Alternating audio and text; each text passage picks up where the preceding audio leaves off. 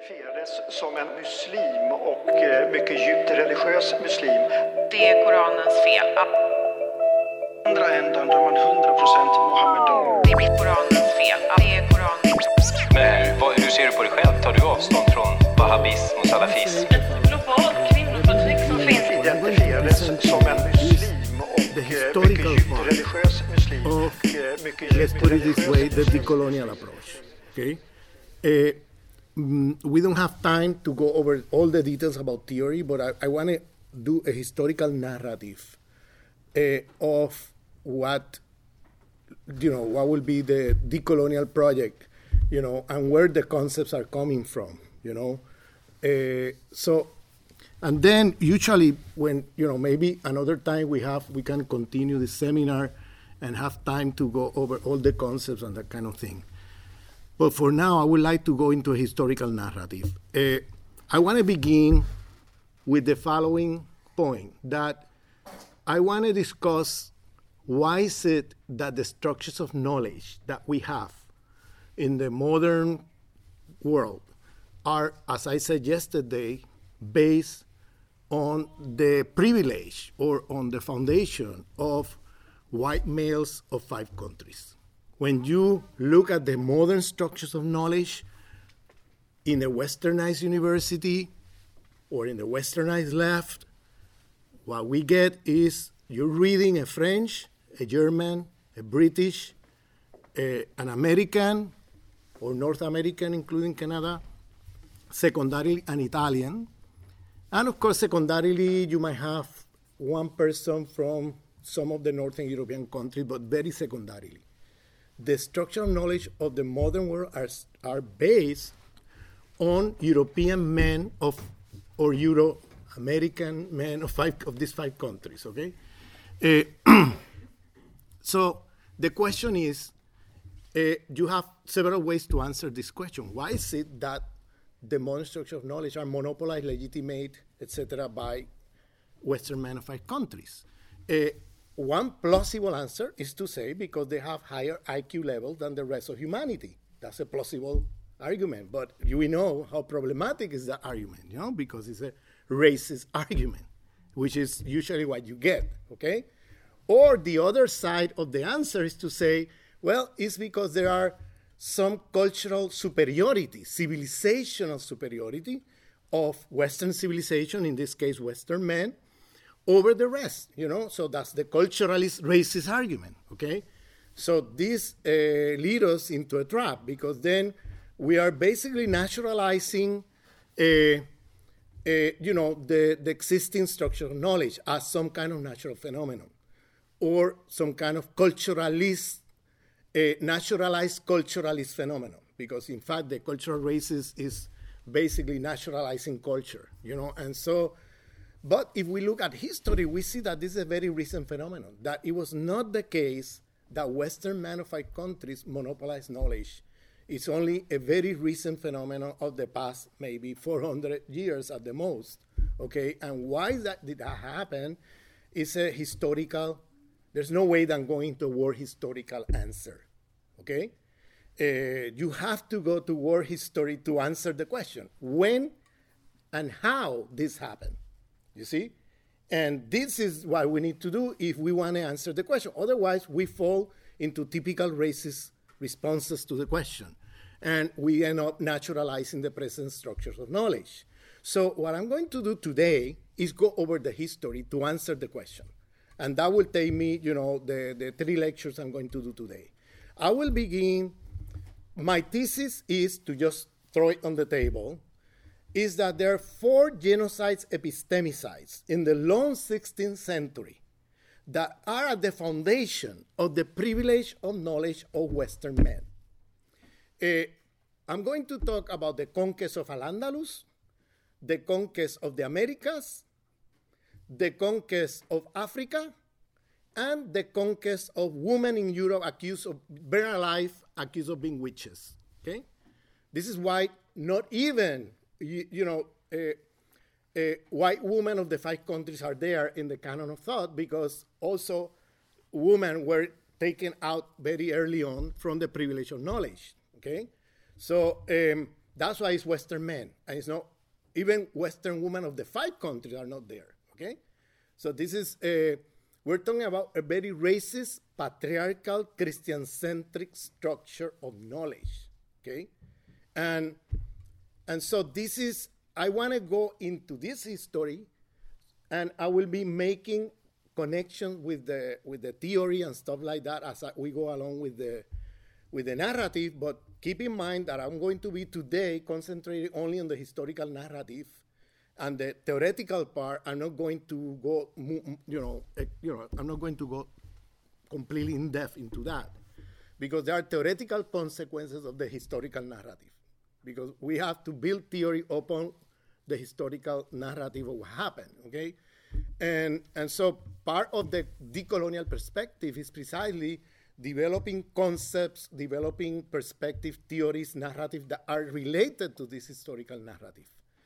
Uh, so let me begin with the conquest of al-andalus. But the problem is that to, to, to understand the conquest of al-andalus and the war historical significance of the conquest of Al-Andalus, we need to go like, I don't know, like 1,000 uh, years before, 1,400 years before.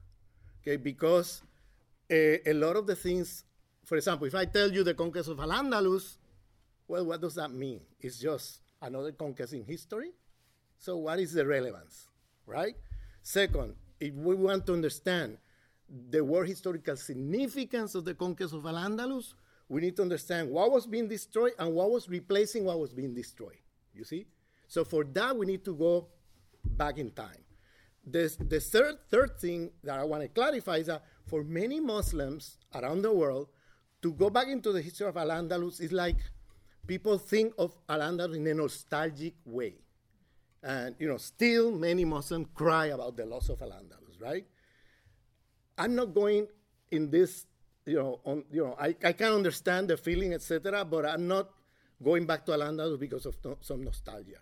I'm going back to the conquest of Al-Andalus because to understand the modern world and to understand the mechanism of colonization, you have to understand the conquest of Al-Andalus because that was the first moment of the European colonial expansion, began there, and all the methods of colonization they used there was deployed elsewhere. And so it's a foundational moment to understand the colonization of the Americas, the colonization of Africa, Asia, etc., all the way, all the way into the colonization of Palestine today. For example, if you want to understand settler colonialism, well, you need to look at what happened in Al-Andalus, because a lot of the methods of colonization that are happening, you know, to even today, comes from that history. And that's why I'm going there, to try to understand how this began and what kind of methods were used and how some of these methods are still here with us today. Okay, and and so I'm going to begin with the conquest of Al-Andalus, but again, I'm going to go back in history to understand what was destroyed and what was replacing what was destroyed. Okay, so I will begin with the early period of what is called Unitarian Christianity or early Christianity. Okay, uh, I have to say that I'm using now anachronic terms that are just for the sake of understanding each other because prophet jesus and i'm saying prophet because unitarian christian always conceive the early christian always conceived jesus as a prophet never as the son of god okay? So i'm using this term uh, you know for the sake of respect to this early christian movement okay? Uh, that began the whole thing about called christianity. Uh, but in the early period when Jesus, Prophet Jesus was alive, uh, they, were they did not conceive of themselves as Christian. Okay, it was the, that term came later, you know, a few centuries later. That was not a term at the time. It was they saw themselves as some kind of Jewish uh, dissidents. So they saw themselves within the Jewish prophetic tradition. They didn't thought of themselves as outside that. Okay, and and and Prophet D- uh, Jesus uh, during the time he was there, he was this was the conception. Okay, so the term early Christianity I'm using for the sake of understanding each other, but not exactly the identities that people were deploying at the time. Okay, uh, so uh, the the main the main thing that I think is important to keep in mind for the sake of, of the narrative is that for at the time, uh, I always ask Christians, you know, how Jesus named the divine force or entity. Okay, uh, I don't use God. You will see why I don't use the term God. Okay, how he, you know, name, and Christians cannot tell you. I don't know how many of you, if there's someone here, can know or know how Jesus named the divine. What language he spoke? Aramaic. Aramaic, thank you. That was the language he spoke. And what was the term used? This is very interesting because for many Christians, well, I, I mean, the majority here are not Christians, but in many Christian audiences, I ask this question, and after 2,000 years, nobody can tell you, which is very interesting because it tells you something about how the history of Christianity itself has been stolen from the Christians. That is, they don't even know how Prophet Jesus named, you know, the divine. Okay, and the word he used was Allah. Allah. That was the term he used. Allah. How did Jesus pray? I ask this always to Christian audiences or Muslim audiences. How did he pray? He prayed like this, like in the Christian church? No. That was not the way he prayed. He prayed going on his knees and putting his forefront on the ground. That's how he prayed. How do I know this? How this guy know this? Very simple. Read the Aramean Bible. That's what you need to read. Which is the early there you have the concept, the description, etc. You, you read the Aramean Bible, and what happened with the Christian tradition is is lost in translation. Because what you have is the translation from Aramean to Greek, from Greek to Latin, from Latin to Spanish, English, Swedish, whatever, okay? And then it's lost in translation because the, just the translation from Aramean to Greek is already a colonial translation because it's translating a cosmology that is a Semitic cos- cosmology, Aramean, to a Greek cosmology. So it's already colonized by Greek cosmology. Okay? So a lot of the concepts we have in the modern Christian Bible is already very Greek centric and already, how can I say, uh, lost in translation because not only they are translating a lot of terms that have nothing to do with the, with the, the terms of the Semitic tradition, but they also colonize the cosmology. If you don't translate correctly the cosmology, you know, then you're, you're completely lost in translation. So uh, one of the concepts, the concept of Alaha, this idea, this cosmology, is a cosmological concept. And it's the concept, uh, I, I prefer, again, not to translate into God, because the moment you translate as God, in our modern times, immediately comes the image uh, of Christ- Christendom, okay, of a, a, white man, old age, you know, white man in a cloud, you know, watching everybody with a cane. Okay, you misbehave, hit you in the head with a cane, you keep misbehaving, they send you to hell. And it's always this shirk, idolatric image, because always God is like a European man of old age, right? It's, it's already tainted by this. And this is what you get in Christendom, this, you know, or you have Jesus Christ, blue eyes, white man, this kind of thing, you know, and these images. And, and so uh, uh, the concept of Alaha had a different connotation. It was a concept uh, that, uh, you know, I, I, have the opportunity to know this stuff because there, are, there is this uh, Andalusian, contemporary Andalusian Muslims, okay, who are uh, doing this translation from Aramaic directly to Spanish. And so, I, I'm, if you know Spanish, you can read these things, you know, the early Bible, etc. You know, the, in, it's completely different from the other Bible, okay? And for example, there is a brother there in Sevilla who is now published a book, is going to publish a book in a series I have in Spanish that is, is entitled Decolonizing Jesus. Okay? Which is, you know, going over all this stuff, you know. And so Alaha is a cosmological concept, which means I, I will prefer to translate in a different way with a phrase rather than just one word. Uh, it, it, it refers to a divine force that creates life with intelligence. Okay? Create life means everything that we see around is part of this creation, right? But with intelligence, because when you look at the structures of from the DNA or a cell all the way to the universe, it's as if there was an engineer behind it, okay? Everything is structured with some intelligence behind it, okay? And, and so you could see a lot of contemporary scientists arriving to these things, you know, and getting like astonished to see how many of these things are structured in a way that uh, that seem to be to have some kind of intelligence. So that's why I'm saying a divine force, cosmic divine force, creative of life with intelligence. Okay, and so it's the idea that there is a diversity in the creation, but within a unity, within a cosmos, right? So it's a heuristic concept rather than a dualistic concept. Now, what is the revolutionary consequences of this idea? Okay? Because the revolutionary consequences is we are all created by this divine force. All forms of life are created by this divine force. Okay? So we are all sacred with a small s, but nobody is sacred with a capital S. Nobody is that force.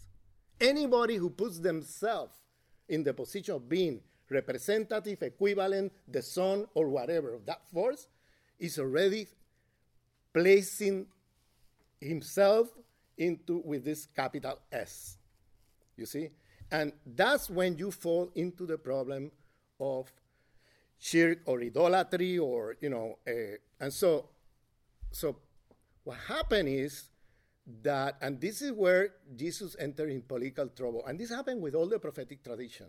The prophetic, if you look at the prophetic tradition going back in time, even before the times of Jesus, they were all entering trouble with political structures. Why? Because they were calling attention that these political authorities were not divine. They were just, mm, you know, earthly made and not perfect, and therefore could be submitted to critique. Right? And the moment you, that is, the condition possibility of critique, like Enrique Dussel says, is to be atheist towards everything that surrounds you. That is, every political form of power, you have to be atheist. You cannot fetishize it, idolatrize it, mm, turn it into sacred because then there's no then then you turn it into divine and then there's no political critique you're just subservient to this ensl- mentally enslaved to these structures right so you need to have the, crit- the critical distance is when you stop seeing this as sacred right and the message of Alaha was you are created like anybody. You, uh, uh, Roman Empire emperor. No, it also you could see that with the pharaohs in the times of the early prophets, but it's the same message.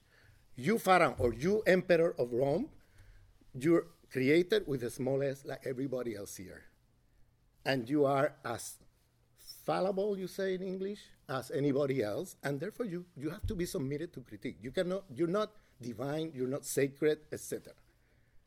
You're not perfect.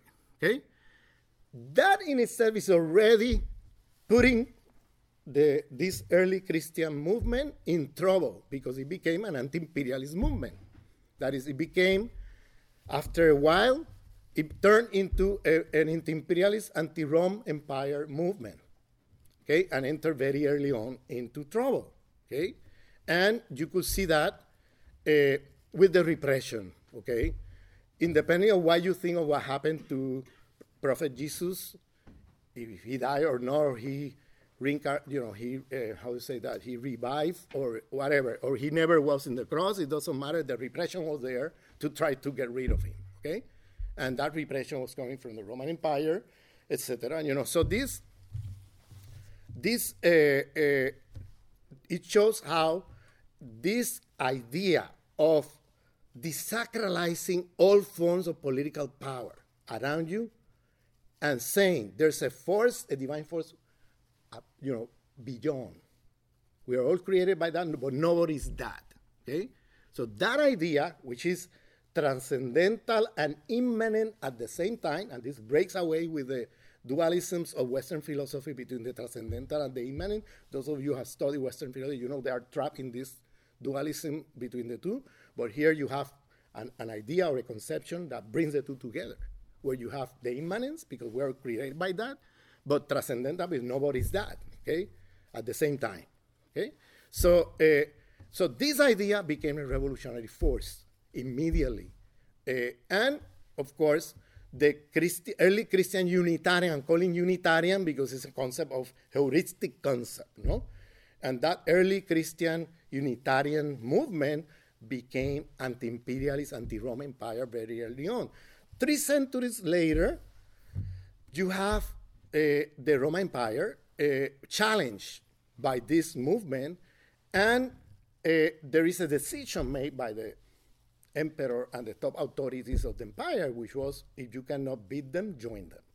That's when Constantine decides to turn the Roman Empire into a Christian empire to contain the critiques from this movement that was growing big, etc., challenging the Roman Empire. So the way to contain it, you cannot beat them, join them. So they basically turned into a Christian empire. No, the Roman Empire turned into Christianity, and and here is where uh, there are important shifts in the Christian tradition, because what happened was that they couldn't turn into Christian without changing the cosmology or the theology. Because what if he, Constantine became Christian, right, and lived this theology, revolutionary critical theology that I've been describing here intact?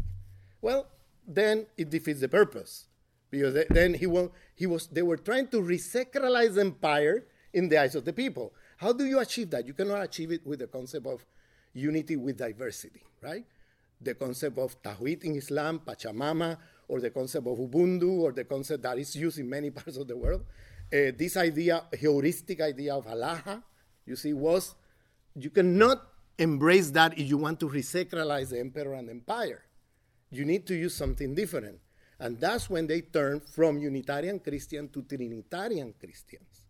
And they decide, four centuries after Prophet Jesus, they turn into uh, uh, Trinitarian Christians. And that was in a congress they had in the fourth century where they officially, you know, turned into this and then start repressing the Unitarian Christians, killing them. They, they did massacres in many parts of Christian Europe against Unitarian Christians, destroying them. Okay? So whoever didn't join Trinitarian Christianity, they were repressed. Okay? So that was a huge struggle happening. And uh, so you have uh, at the time this, uh, the Trinitarian Christian was trying to create an analogy. If God brought his son to earth, right? That's the idea of Trinitarian, you know, the, the, the say, you know, el Espíritu Santo, the, the, the how you say that in English? The, huh? the, the Holy Spirit, yes. The Holy Spirit, uh, the uh, Jesus, uh, and then God, right? So this is the Trinitarian, and, and Jesus is the Son of God, right? And and so this was, and the, the idea was, if God brought His Son to earth, the emperor, by analogy, is the representative of God on earth. That was the move. Let's let's create an analogy between, you know, God bringing His Son and God bringing His representative, the emperor. You see, and let's tell all these people are fighting us. No, no, no, don't fight us. We are Christian like you, but more than that, we are. We recognize Jesus as the Son of God. He's so sacred that He's the Son of God, and the emperor is the representative of God on earth. So this is the move, okay? And they brought there, they destroyed the heuristic concept I was describing here, okay, uh, and brought the dualism.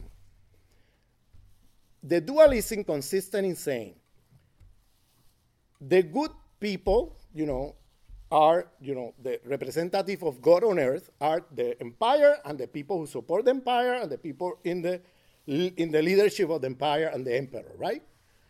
The bad people are, are thrown to the side of difference. So now you have a concept from the concept of unity with difference, you move to the concept of, or, or unity with heterogeneity, you move now to the concept of unity with homogeneity, and anything different is thrown out as evil. That's evil. Whoever is critical of the empire, evil.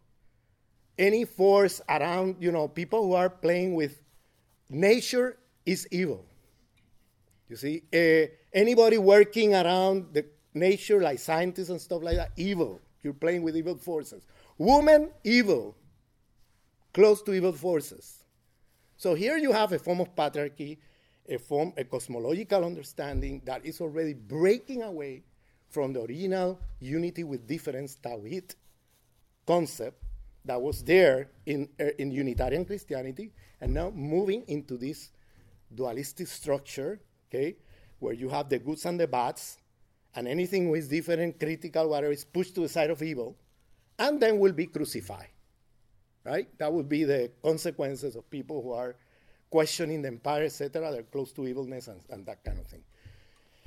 Then the empire, as you know, they moved to, to, to, to Constantinople, you know, and but in this side, in the in the in the European Western side, they that stay there, but in this side, this move from Unitarian Christianity to Trinitarian Christianity made all this side of Europe fell into a period of 1,400 years of obscurantism.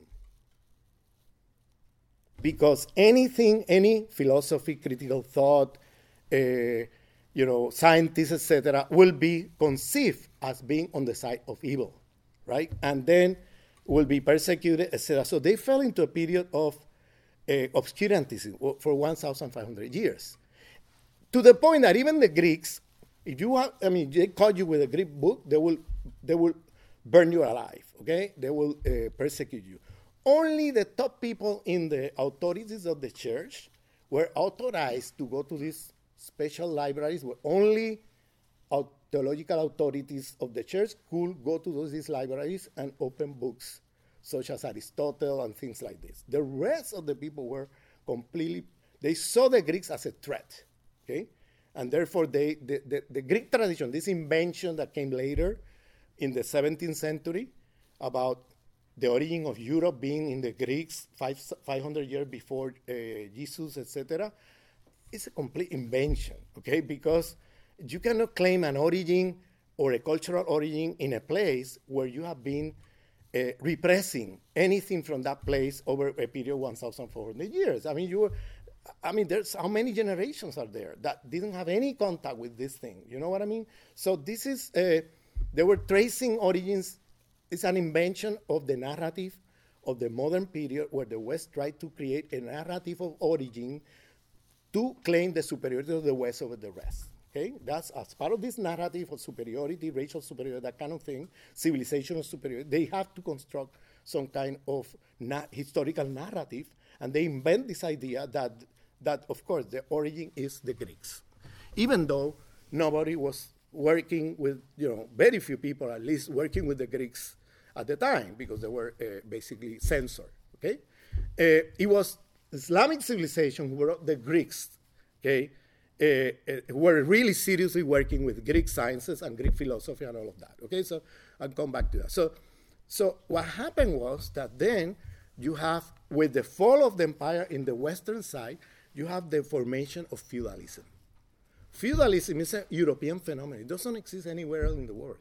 In the world, I mean, I remember the uh, the communist, you know, parties in Africa and Latin America and even Asia you know, trying to find feudalism and saying that there was feudalism in Latin America and in Africa, and that's explained their underdevelopment. You know, eh, this, this was a huge debate because, in fact, the only place where you have feudalism was really in Europe. It didn't exist elsewhere. Okay, that's an, I, I, just taking, and now this is the Eurocentric, uh, Eurocentrism, but now from the left, taking local European history and making it world history. so you take, for example, feudalism in Europe and you think this is everywhere in the world. Just because it exists in Europe, you, now you make it world history.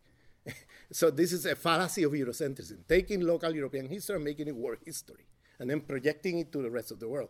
Or the fact that Christendom was so obscurantist and anti-scientific, but now any spirituality, you turn it, in local European history was like that, now you turn it as world history, and you say every spirituality is like that, they're anti-scientific.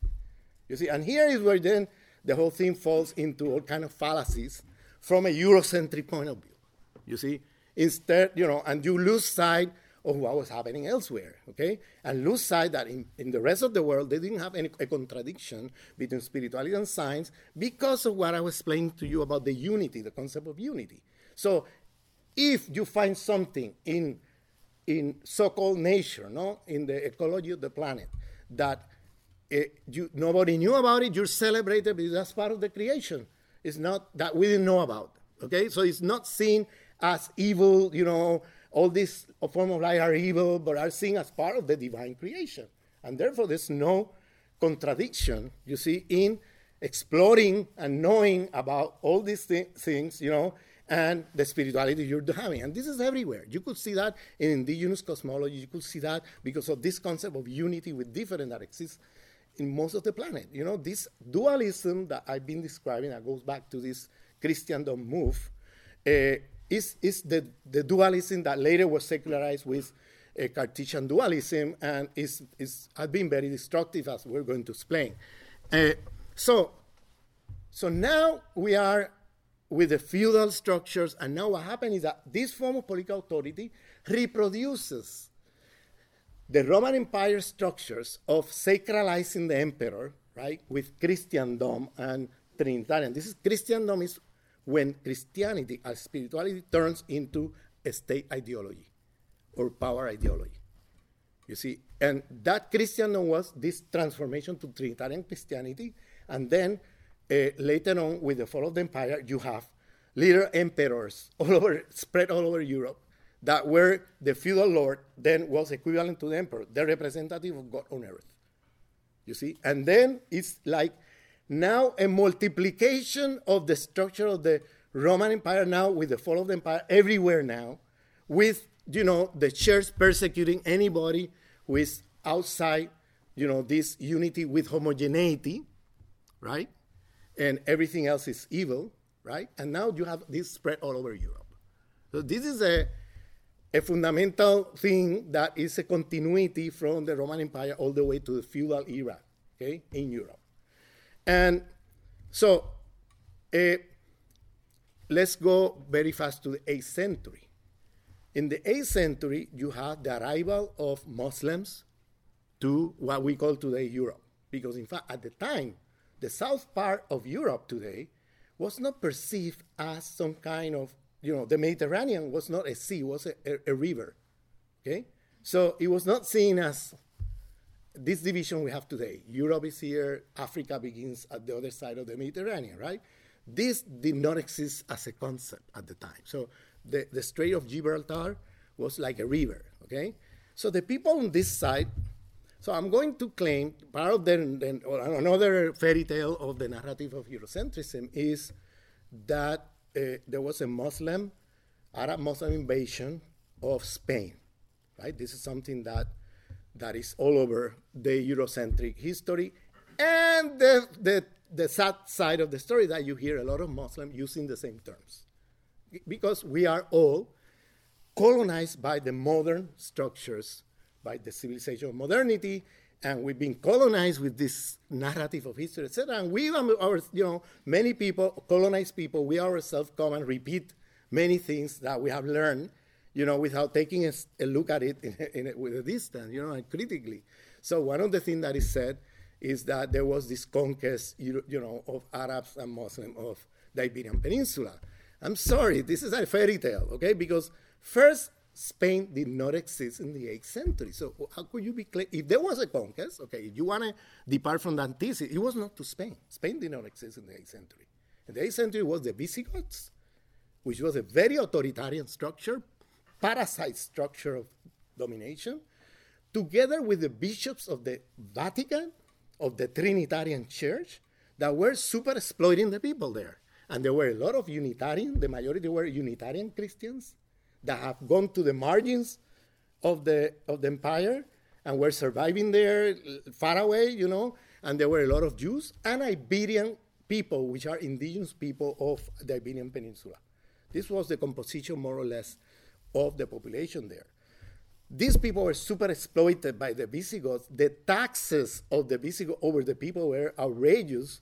There was a lot of repression, a lot of, you know, so, and the Visigoth was like an authority coming from elsewhere and colonizing the territory there, okay, together with this, uh, you know, the, the uh, Christendom church, okay? And so what happened was that people from the Iberian Peninsula went to Muslim land across the Gibraltar and asked for support, okay? Because they were looking at the other side, and on the other side, the Muslims have a, a, a, form of political authority where the taxes to people who, who are not Muslim were much lower. So it was mainly Jewish people from the Iberian Peninsula who went to the other side and asked for support against the Visigoths because he, they saw that Jewish people in the other side were uh, their, their beliefs were respected. Their, you know, they, they have their rights. They have their their, their rights inside the structure of, of, of political authority of the sultanates, etc. They have the taxes were way lower than anything over there, etc., etc. You know, and the taxes in the in the in the in the Muslim was uh, we tax you for and, and we give you protection. That means you pay a tax so that we can have, uh, let's put it this way, that the soldiers of the sultanate will protect you from anything. You know, you will ha- you have your peaceful life, etc., inside the, the political authority. Uh, you pay taxes, etc., and that's it. Okay, and the taxes were much, much lower. In the other side, Jews were persecuted, even paying taxes. You know, so it was a very difficult position. So, to make a long story short, they sent eight thousand soldiers across the Gibraltar. Okay, and eight thousand soldiers came, and led by Tariq. Uh, and a famous, you know, Muslim commander. They were mostly Berbers, you know, Muslims from Berber origin were not Arabs. It's another thing that is also kind of messed up because they think, you know, the Arabs came, no, it was not Arab, it was mostly Berbers who were Muslims.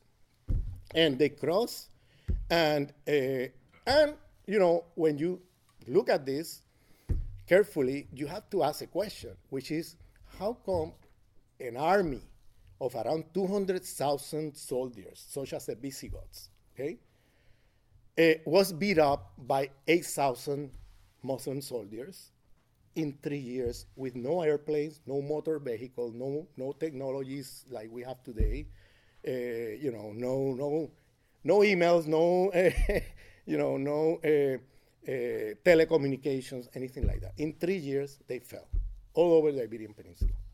Okay? How did this happen?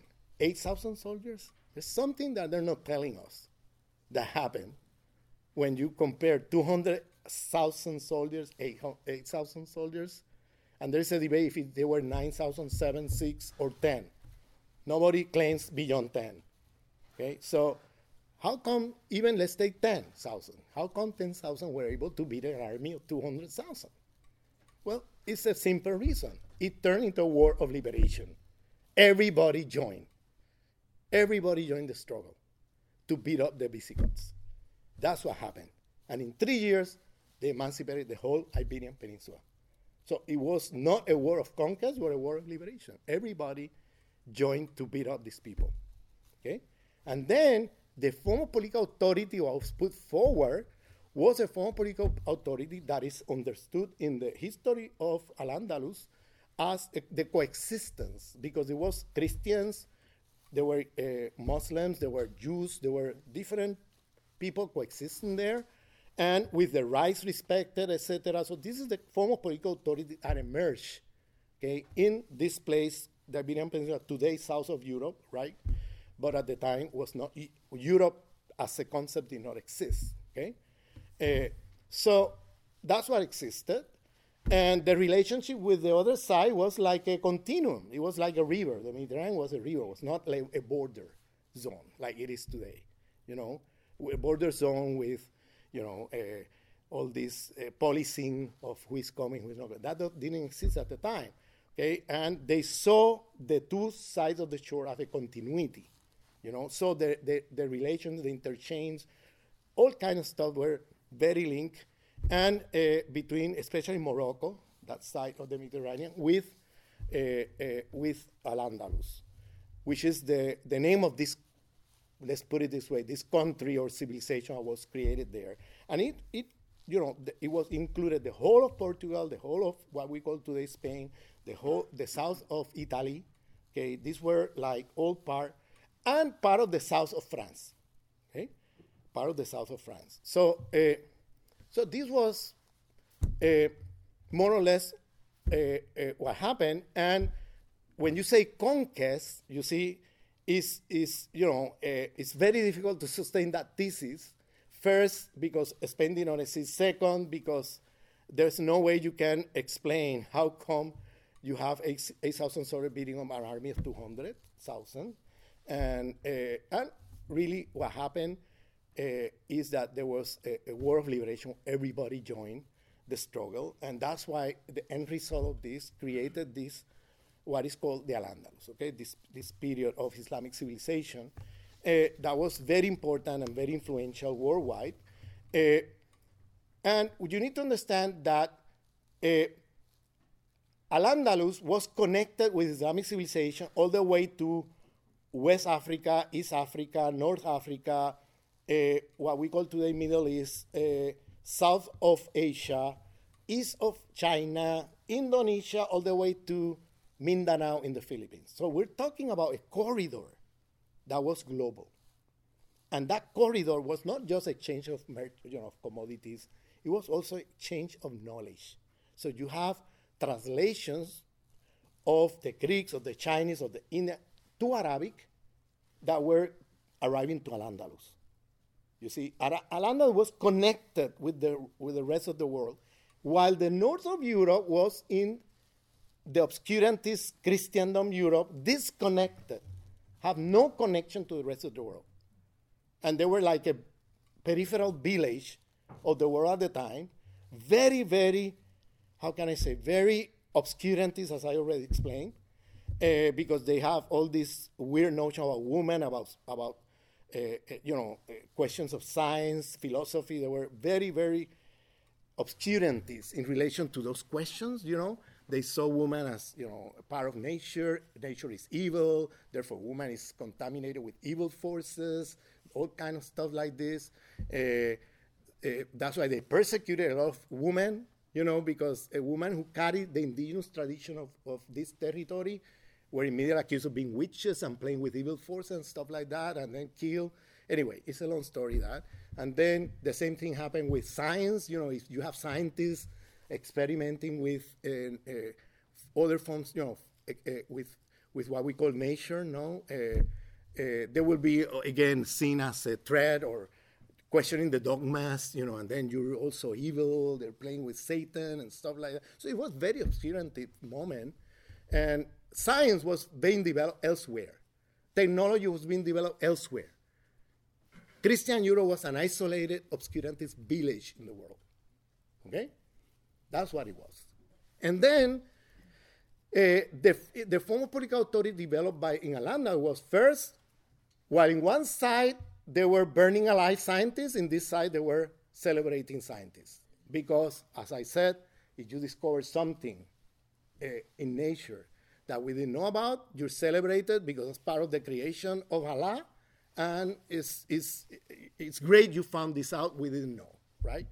Different from the Christian, that you find something there that is going against our dogmas, then, and because nature is evil, you see, then you are playing with evil forces. And then you accuse immediately of being with Satan, right? And then uh, uh, kill or burn alive or whatever, okay? Torture, the Inquisition, all that stuff, okay?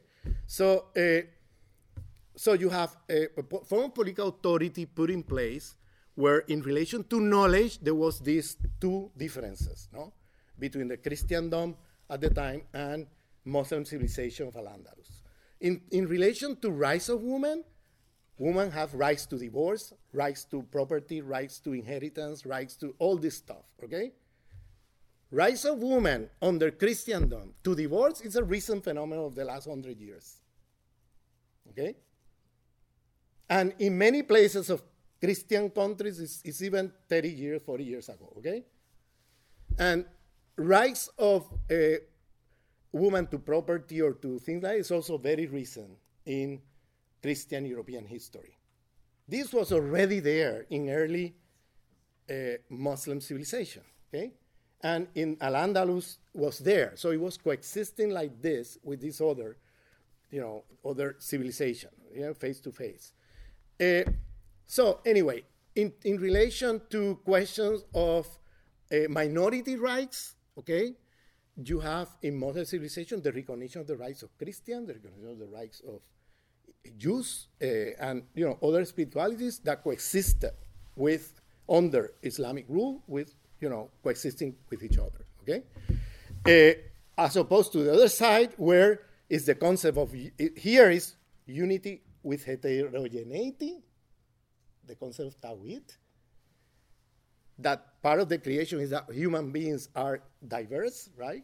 They're not, you know, you have this diversity in the creation also, not only in terms of different forms of life, etc., but also inside the human experience. There are also all these different cultures and all these thousands of prophets that came to different cultures, and therefore, you know, that's there. In, you have it in the Quran and you have it in hadiths, no, about this diversity within unity, right? Uh, and then you have on the other side the idea of unity with homogeneity and everything different thrown to the side of evil, right? So, so immediately the rights of Jews, the rights of Muslims, the rights of indigenous people, the rights of women who were practicing indigenous cosmologies from this side of the world, okay? Those practices were persecuted under Christendom because they were seen as playing with evil forces. Okay? And when I say indigenous, a lot of these women practices, they were indigenous women of this part of the world. But when we say indigenous today, because of the racial imagination we have in modernity, we think of dark skinned women. But no, at the time they were blonde hair, blue eyes, but they were indigenous in their form of life, in their way they, their everyday life, in their relation with other forms of life, in their cosmology, they were indigenous. That's what I'm talking about, okay? It, uh, when I say indigenous here, I'm talking about cosmological and practices, okay, that were here coexisting, no? And that they were basically burned alive. A lot of these women were burned alive, I'm going to explain now. Uh, so what happened is that then, uh, to make a long story short, so I'm contrasting what is being destroyed and what is replacing what is being destroyed. It took 800 years, okay, 800 years for Christendom to colonize Al-Andalus. They call this the reconquest because the assumption of Eurocentric history, we were conquered and now we're recovering what was conquered. But this RE is already a colonial addition there. And until we decolonize the RE, you see, we won't be able to understand or decolonize the narrative of history. Because you think in the RE, okay, you're still caught there with the idea that there was a Muslim conquest and Christian are innocent power coming to reconquer what was taken away from us, right? This is the idea. And that's why it's so important the thesis of a Muslim Arab invasion of the Iberian Peninsula, because that's the way to then claim that what happened later was just a reconquest, right? Recovering what was taken away from them. This is the, the idea. But in fact, it was a war of conquest. It, it, it, I'm saying it's a war of conquest. It took 800 years. It, was not three years like it happened before. It was a war of liberation. In three years, you know, they, they toppled the power of the Visigoths. But these people took them 800 years. That's really a war of conquest because they didn't have the support of the people. They were they have to play out all kind of uh, uh, you know of how can I say conquest a conquest war that slowly took them a long time to be able to really conquer the whole thing. Okay? And part of what happened, and this is a lesson for everybody today, part of what happened was that with the fall of the caliphate, of Cordoba Caliphate, then it happened like we, what happened with the Roman Empire, that Roman Empire fell, and then you have little feuds, right, spread all over Europe. Here, the caliphate fell, and then you have little sultanates there with no centralized structure or coordination or solidarity. And that's what then the Christians used to conquer. What they did was divide and conquer. That is, they used the contradiction between these little sultans and put one against the other. And so they will use these ones to destroy these ones. Okay? And these other ones to destroy the other. Until finally we are now in the late, uh, now we are now in the late 15th century, uh, in 1480, 1482, and you have the last remaining space of that Al-Andalus civilization, Islamic civilization, now uh, uh, is Granada. Granada was not a kingdom. That's another Eurocentric language. We call kingdom or empire everything that moves, right? We call empire the Ottoman. We call empire the Aztec. We call empire the Chinese. We call empire. And I, I always say, I will accept to use empire to everything that moves if you accept to say the French Sultanate, the Spanish Sultanate, the British Sultanate, the. You follow me? I see that you laugh now when I say this. The second part. In the first part, nobody laughed because it's so. Yes, empire. Yes, we, we take it for granted that everything is empire. So we're taking a local structure of European history and projecting it to the rest of the world. Very Eurocentric thing. Local European history is world history, so we call empire everything, right? So it's the same thing if you say uh, in reverse the Aztec Sultanate, the Spanish Sultanate, the, taking one form of political authority of one part of the world and turning, and then call everything else like this. You turn local Islamic history into world history. You see, it's, it, but you laugh when I say that. You didn't laugh when I said the first part. You know, because in the first part it's so commonsensical that we take it for granted, and it's like, oh yes, you know. But when you say it in reverse, then you laugh. Oh wow, Sultanate, Spanish Sultanate, you know, or French Sultanate. Then it becomes funny, right? But that's what we're doing when we say Aztec Empire, Chinese Empire, Ottoman Empire. It's, it's funny. It should be funny if we decolonize our minds. You see? But we, we because our mind is not colonized, it doesn't sound funny. It sounds like common sense, right? So, so the point is that the Ottomans were, you know, a, a you know, a different form of political authority, right? It was a sultanate. It was uh, in in the Chinese were a lineage. The you know, you could go around the world and see that these are different forms of political authority, are not exactly the concept of empire coming from the Roman Empire. Okay, that is another form of political authority. But the world was very diverse, okay, before 1492. There were many forms of political authority, many forms of economy, many cosmology, many culture, many language, many, you name it, okay? So uh, now at the end of the 15th century, you have now the War of Granada. It's the last remaining stronghold of that civilization, Islamic civilization, in the south of Europe, right? And so you have the War of Granada lasted 10 years. Here you have, and I'm going to end with this because now it's coming close to. Uh, so here you have now Columbus in 1490, 1491, getting a meeting with the king and the queen of the Spanish Christian monarchy, right? The Castilian, Castilian was not Spanish, it was Castilian Christian monarchy. Okay, and that was a war with, uh, with Granada, and he has a meeting with them and come with the enterprise of the Indies. He sits down with, uh, you know, with the king and the queen, and they said to him, we can, this is great, you know, but we can not, we have to wait until the fall of Granada to unify the territory into one state, one identity, one political structure. The unity with homogeneity, right? So, wherever they were conquering territory, they will impose this idea one state, one political structure, one identity of that corresponds one to one between the identity of the state and the identity of the population. So this is a Christian state. Everybody has to be Christian. Whoever is not Christian will be forced to conversion or have to run away because they will kill you. So you have here genocide in the process of conquest of Al-Andalus, where they will not permit the concept of unity with heterogeneity. Will, it will be imposing the concept of unity with homogeneity. Anything different is spelled to the side of evil. And so that's why Jews and Muslims were persecuted in the conquest. And unless you converted and then you become a, a Moor, Morisco, or you become a Marrano in the case of the Jews, right?